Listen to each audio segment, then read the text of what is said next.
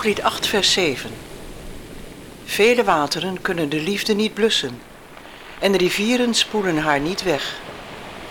U luistert naar Verbonden voor het Leven Radio. Een eenvoudige bijbelstudie over het huwelijk, zoals God het bedoeld heeft. Samenstelling en presentatie Willem en Helen Lingeman.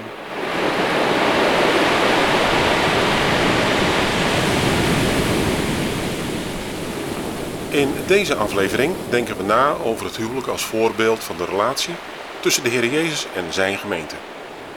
En duiken we in de geschiedenis om te kijken hoe de manier waarop wij onze huwelijken sluiten tot stand is gekomen. De Heer Jezus wil dat het huwelijk tussen man en vrouw een afspiegeling is van de relatie tussen hem en zijn gemeente.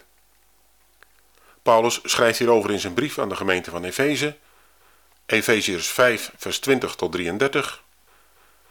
En dankt te allen tijden voor alles de God en Vader, in de naam van onze Heer Jezus Christus. En wees elkaar onderdanig in de vrees van Christus. Vrouwen, wees aan uw eigen mannen onderdanig als aan de Heer. Want de man is het hoofd van de vrouw, evenals ook Christus het hoofd is van de gemeente. Hij is de behouder van het lichaam. Maar zoals de gemeente aan Christus onderdanig is, zo ook de vrouwen aan hun mannen in alles. Mannen, hebt uw vrouwen lief, evenals ook Christus de gemeente heeft liefgehad en zichzelf voor haar heeft overgegeven. Opdat hij haar zou heiligen, haar reinigend door de wassing met water door het woord. Opdat hij de gemeente voor zich zou stellen, heerlijk, zonder vlek of rimpel of iets dergelijks, maar opdat zij heilig en onberispelijk zou zijn. Zo behoren ook de mannen hun eigen vrouwen lief te hebben, als hun eigen lichamen. Wie zijn eigen vrouw lief heeft, heeft zichzelf lief. Want niemand heeft ooit zijn eigen vlees gehaat, maar hij voedt en koestert het, evenals ook Christus de gemeente. Want wij zijn leden van zijn lichaam, van zijn vlees en van zijn gebeente. Daarom zal een man zijn vader en zijn moeder verlaten en zijn vrouw aanhangen en die twee zullen tot één vlees zijn. Deze verborgenheid is groot, maar ik doel op Christus en op de gemeente. In elk geval ook u, laat ieder van u zijn eigen vrouw zo lief hebben als zichzelf, en de vrouw moet ontzag hebben voor haar man. Het huwelijk is dus niet alleen een zaak tussen één man en één vrouw. Het huwelijk is niet alleen een verbond tussen twee mensen die elkaar trouw beloven, maar ook een afspiegeling van de liefde van de Heer Jezus voor zijn gemeente. Dat is ook de reden waarom hij zoveel waarde aan het huwelijk hecht. Telkens als twee mensen uit elkaar gaan, is het beeld van de verbondenheid tussen de Heer en zijn gemeente beschadigd. Als mannen met hun vrouwen omgaan, zoals de Heer Jezus met zijn gemeente omgaat, is dat voor elk huwelijk heilzaam. In het gedeelte van de Efezebrief, wat we net lazen, beschrijft Paulus hoe de Heer Jezus met zijn gemeente handelt en hoe hij haar ziet. Hij heeft haar lief. Hij heeft haar geheiligd. Hij heeft haar gereinigd. Hij heeft haar gewassen. Hij wil haar in heerlijkheid zien. Hij wil dat zij heilig is. Hij wil dat zij onberispelijk is. Ook in de brief die Paulus aan de gemeente van Korinthe schrijft, worden de verhoudingen duidelijk. 1 Corinthiërs 11, vers 3. Ik wil echter dat gij dit weet. Het hoofd van iedere man is Christus. Het hoofd der vrouw is de man.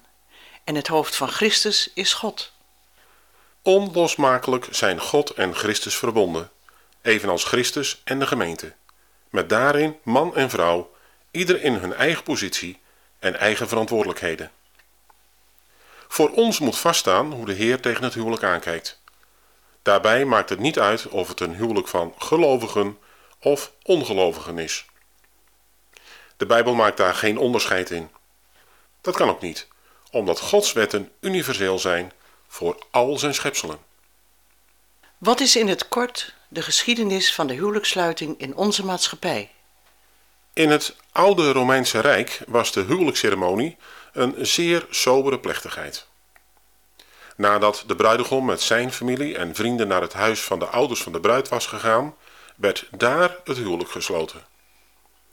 Er werd aan Jupiter geofferd, middels het eten van een soort cake. Als eerste namen bruid en bruidegom iets. De rest werd onder de gasten verdeeld. Dan volgde de eigenlijke huwelijksvoltrekking. Bruid en bruidegom hielden elkaars rechterhand vast en gaven toestemming om elkaars man en vrouw te zijn. Ze deden dat met de volgende soms gezongen woorden. Quando tu Gaius ego Gaia. Wanneer jij Gaius bent, ben ik Gaia. En andersom. In de Anglo-Saxische traditie geeft de vader zijn dochter weg aan de man met wie zij verder zal leven. Achter deze ceremoniële handeling zit een diepe geestelijke betekenis. De vader was tot op dat moment degene die zijn dochter moest beschermen en verzorgen. Hij droeg ook de geestelijke verantwoordelijkheid voor haar. Op het moment dat hij zijn dochter weggeeft, draagt hij, zichtbaar voor iedereen, die grote verantwoordelijkheid over aan de bruidegom. Honderden jaren werden in ons land huwelijken in kerken gesloten. Stille getuigen hiervan zijn de vele doop- en huwelijksregisters die in bijvoorbeeld rooms-katholieke kerken liggen en waarin genealogen een haast onuitputtelijke bron van gegevens over voorgeslachten vinden. In 1800 stelde de Franse keizer Napoleon Bonaparte een commissie van vier juristen aan om een burgerlijk wetboek voor het Franse volk op te stellen. Deze verzameling wetboeken, de Code Civil, bestond uit 36 wetten die uitgevaardigd werden op 21 maart 1804. Napoleon nam soms zelfs deel aan het denk- en schrijfwerk, waardoor het wetboek in Europa de Code Napoleon werd genoemd. Het werd een belangrijk exportproduct tijdens de oorlogen die Napoleon voerde. Doordat veel landen tussen 1804 en 1814 onder Frans bestuur vielen, werd het Franse burgerlijk wetboek ook geëxporteerd naar België, Luxemburg, Italië, delen van Duitsland en Nederland. Het doel daarvan was dat De wet moest duidelijk zijn, maar ook zo geschreven dat iedere burger zijn rechten zou kennen en de wet moest geldig zijn in het hele land. De burgerlijke stand en met name het huwelijk werden onttrokken aan het kerkelijk recht. De feodale rechten van eigendom en onroerende goederen zouden vervallen. veel Nederlandse wetten vinden hun oorsprong dus in het gedachtegoed van Napoleon, die luidkeels verkondigde dat er vrijheid, gelijkheid en broederschap moest zijn. Later veranderde hij deze leus in vrijheid en publieke orde. Aan de Heere God had deze man geen boodschap. Op 3 maart 1811 werd de eerste Nederlandse huwelijksakte naar voorschrift van Napoleon in Amsterdam opgemaakt. Onze huidige huwelijkswetgeving is nog steeds ontrokken aan het kerkelijk recht. Volgens artikel 168 van het Nederlands Burgerlijk Wetboek mag een wettelijk huwelijk niet voorafgegaan worden door een kerkelijk huwelijk. De volgende keer gaan we daar dieper op in.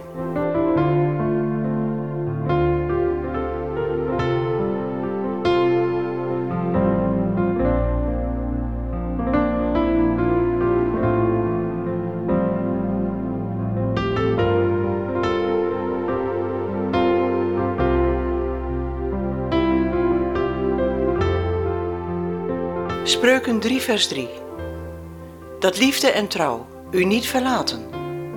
Bind ze om uw hals, schrijf ze op de tafel van uw hart. U heeft geluisterd naar Verbonden voor het Leven Radio. Samenstelling en presentatie Willem en Helen Lingeman. Heeft u vragen naar aanleiding van deze uitzending?